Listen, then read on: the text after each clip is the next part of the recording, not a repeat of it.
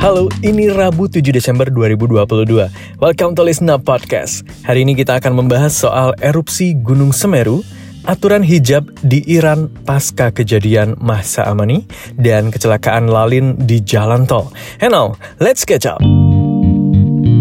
Kondisi saat ini uh, cuaca cerah, tidak hujan, dan abu vulkaniknya juga sudah mereda, tidak ada Kemudian eh, kami terkonfirm dengan pos pantau Semeru yang menyatakan bahwa awan panas guguran sudah berhenti. Pasca erupsi mengeluarkan awan panas minggu dini hari kemarin, aktivitas di Gunung Semeru diketahui sudah semakin reda guys. But still, masyarakat di sekitar diimbau untuk nggak deket-deket ke sana dulu, bahkan Jepang pun sempat ketar-ketir loh. Easy, we got everything covered here.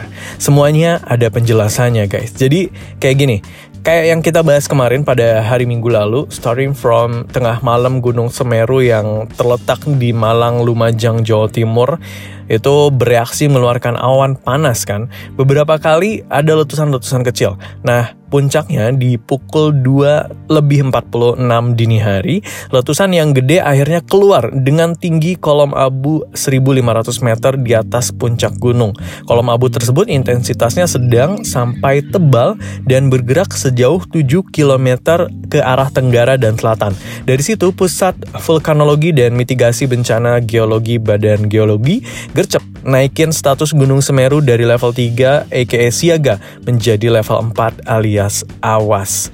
Adapun dari tengah malam terus di jam 2 lebih 46 dini hari sampai jam 6 pagi, Gunung Semeru itu terpantau masih aktif guys. Pantauan dari Pusat Vulkanologi dan Mitigasi Bencana Geologi mencatat dalam rentang waktu 6 jam udah ada 29 kali letusan dan satu kali gempa vulkanik selama 65 hingga 120 detik. Gak cuma itu, juga gempa guguran yang terjadi sebanyak 6 kali sebanyak 50 hingga 140 detik.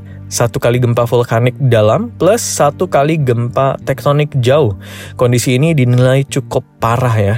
Makanya, warga pun dilarang untuk beraktivitas di sekitaran gunung dalam radius 8 km dan diimbau meninggalkan rumah mereka. Terus, akibat erupsi ini, salah satu dusun namanya Dusun Kajar Kuning di Lumajang itu beneran ketutup abu dan debu, awan panas, pokoknya semua ya guys ya. Lumayan tebel sampai 3 meter. Selain itu, beberapa rumah warga juga ada yang kekubur. Fasilitas umum kayak jembatan, yang tertimbun awan panas. Jembatan yang ketimbun ini bahkan merupakan akses utama yang menghubungkan Lumajang Malang. Sounds so parah, right? That's being said, nggak mungkin banget untuk warga nggak dievakuasi ke tempat yang lebih aman. Gubernur Jawa Timur Khofifah Indar Parawangsa juga bilangnya kayak gini. Jaga keamanan dan keselamatan masyarakat, perlindungan masyarakat, insya Allah logistik cukup baik di sini maupun di Pronojiwo layanan kesehatan cukup baik di sini maupun di Pronojiwo. Sesuai dengan uh, koordinasi saya dengan Pak Bupati, tim kesehatan Pemprov fokus di Pronojiwo. Kemudian uh, tim dapur umum dari BPBD juga disiapkan di Pronojiwo. Yap, saat ini udah tersedia sebanyak 12 posko di mana kalau di total-total yang udah disiapkan jumlah warganya mencapai 2000 orang. Tapi sampai sekarang proses pendataan masih dilakukan supaya distribusi bantuan logistik nanti mm, maksimal gitu ya. Meanwhile, namanya ngusi ya, dicari adalah dapur umum dan fasilitas kesehatan ya kan. In that sense, kalau mau berobat, warga bisa langsung ke beberapa puskesmas yang udah dijadikan tempat perawatan rujukan akibat erupsi ini. Dapur umum juga udah ada kalau merefer statementnya Bu Khofifah tadi. Nah, sekarang balik lagi ke keterangan dari Pusat Vulkanologi dan Mitigasi Bencana Geologi. Aktivitas Gunung Semeru sudah semakin mereda, nggak yang separah waktu hari Minggu Senin kemarin ya. Sekarang tinggal tinggal awan panas yang kecil-kecilnya aja yang masih keluar. But still, the seat belt keeps being tightened. Karena awan panas guguran, guguran lava, dan lahar masih berpotensi banget dimuntahkan oleh Gunung Semeru. Jadi penting banget untuk masyarakat ngikutin rekomendasi Badan Geologi terkait do and don'ts-nya. Badan Geologi juga sampai sekarang koordinasi terus sama instansi terkait mulai dari BNPB, pemerintah kabupaten, pemerintah provinsi, dan instansi lainnya. Yap, let's talk about Japan.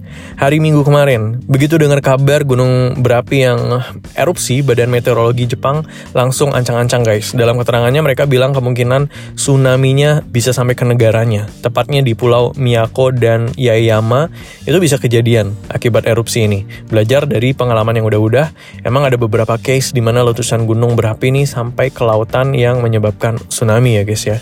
Tapi kalau di case kali ini nggak seperti itu.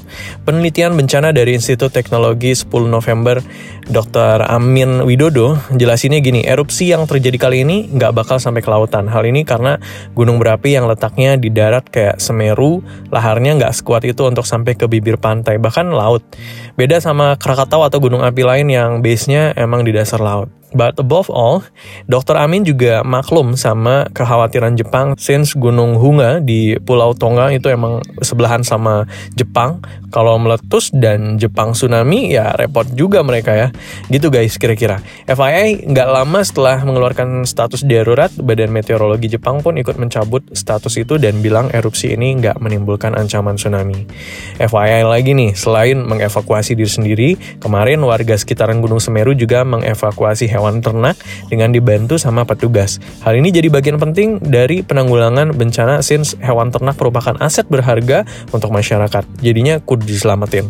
Lebih jauh, hewan ternak ini juga ikut dievakuasi biar mengantisipasi beberapa oknum yang manfaatin warga yang lagi lengah karena bencana. Makanya sekarang hewan ternak dikumpulin, dimasukin kandang, dan dikasih makan. Now, let's talk about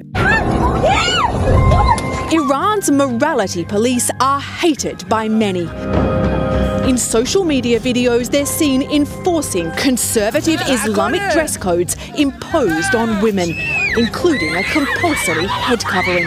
They were the ones who arrested 22 year old Masa Amini in September for the crime of not covering enough of her hair. Dan segala never ending demonstration yang udah berjalan hampir 3 bulan karena kasus kematian Masa Amini, remaja yang meninggal di dalam tahanan polisi moral. Jadi huru hara di Iran ini bermula dari kematian Masa Amini pada 16 September lalu dan Iran itu ada yang namanya polisi moral gitu guys, alias polisi yang bertugas untuk memastikan bahwa hukum Islam dijalankan dengan baik. Nah waktu itu giliran si Masa Amini yang kena tegur sama polisi moral gara-gara dia nggak pakai hijab sesuai standar yang udah ditentuin dan pakai pakaian yang dinilai lumayan ketat. Singkat cerita, Masa Amini akhirnya ditangkap dan ditahan. Tapi dalam beberapa hari dia meninggal dunia di dalam tahanan. Pihak keluarga sih bilangnya kalau dia dipukul di sana ya, tapi pemerintah dan polisi membantah tuduhan itu dan justru ngeklaim kalau Amini meninggal karena penyakit bawaan. Padahal di usianya yang masih sangat muda, Amini sehat walafiat dan gak ada penyakit bawaan. Kejadian ini kemudian memantik api demonstrasi di seluruh Iran. Sejak kejadian itu, aksi protes terjadi di seluruh penjuru negeri. Even sampai sekarang, hampir seluruh warga Iran dari segala usia, etnis, dan gender juga ikut dalam aksi demokrasi tersebut. But mostly emang kebanyakan anak muda yang turun ke jalan. Bentuk protesnya juga macam-macam banget, mulai dari para wanita yang ngebakar jilbab mereka, menari, bahkan sampai motong rambut mereka, terus banyak sekolah, universitas, dan toko juga ikut mogok sebagai bentuk protes. Bahkan nih ya, timnas Iran juga ogah buat nyanyi lagu kebangsaan mereka pas lagi main di World Cup Qatar pada 21 November 2022 kemarin. Gak cuma di Iran, aksi protes juga ternyata menyebar ke negara lain. Misalnya para perempuan di Stockholm sampai Athena juga turun sebagai bentuk solidaritas mereka. Sejauh ini, pasukan keamanan menindak para pengunjuk rasa dengan sangat keras, apalagi di daerah yang tempat tinggalnya para etnis minoritas kayak Kurdistan dan Balochistan. Banyak orang yang ditembak gara-gara membunyikan klakson mobil waktu mereka lagi ngedukung para pengunjuk rasa. Bahkan banyak wartawan, pengacara, selebriti, atlet, dan masyarakat sipil yang ditangkap. Kalau menurut kantor berita aktivis hak asasi manusia di Amerika Serikat, sekitar 402 orang telah meninggal dunia selama aksi protes ini. Angka itu termasuk 58 anak-anak dan ratusan orang lainnya yang terluka. Gimana enggak? Pasukan keamanannya aja udah mengerahkan persenjataan berat sampai kendaraan militer demi menumpas para pengunjuk rasa. graça Akhirnya, gara-gara protes berkepanjangan ini, Jaksa Agung Iran Muhammad Jafar Montazeri bilang kalau parlemen dan kehakiman Iran lagi meninjau ulang soal undang-undang wajib jilbab di sana. And shows that the government is concerned. Iran's Attorney General says the authorities have dismantled the country's religious police. They are the ones who enforce the Islamic dress code, and that includes the law that requires women to wear a hijab and cover their hair. Parliament and the judiciary are also reviewing those laws, but it's unclear at this point what and how much will change, if anything at all. What is clear is that wearing the hijab is still mandatory, but the religious police who are tasked with enforcing it will no longer be in charge of doing that for the time being. Tapi ya, of course, ini prosesnya pasti bakal panjang banget soalnya undang-undang itu juga berlaku sejak revolusi Islam pada tahun 1979. Sebenarnya udah lama muncul perdebatan soal ini nih. Kaum konservatif bilang kalau aturan itu harus ditegakkan, tapi kaum reformis bilang kalau keputusan pakai jilbab ada di tangan individunya masing-masing.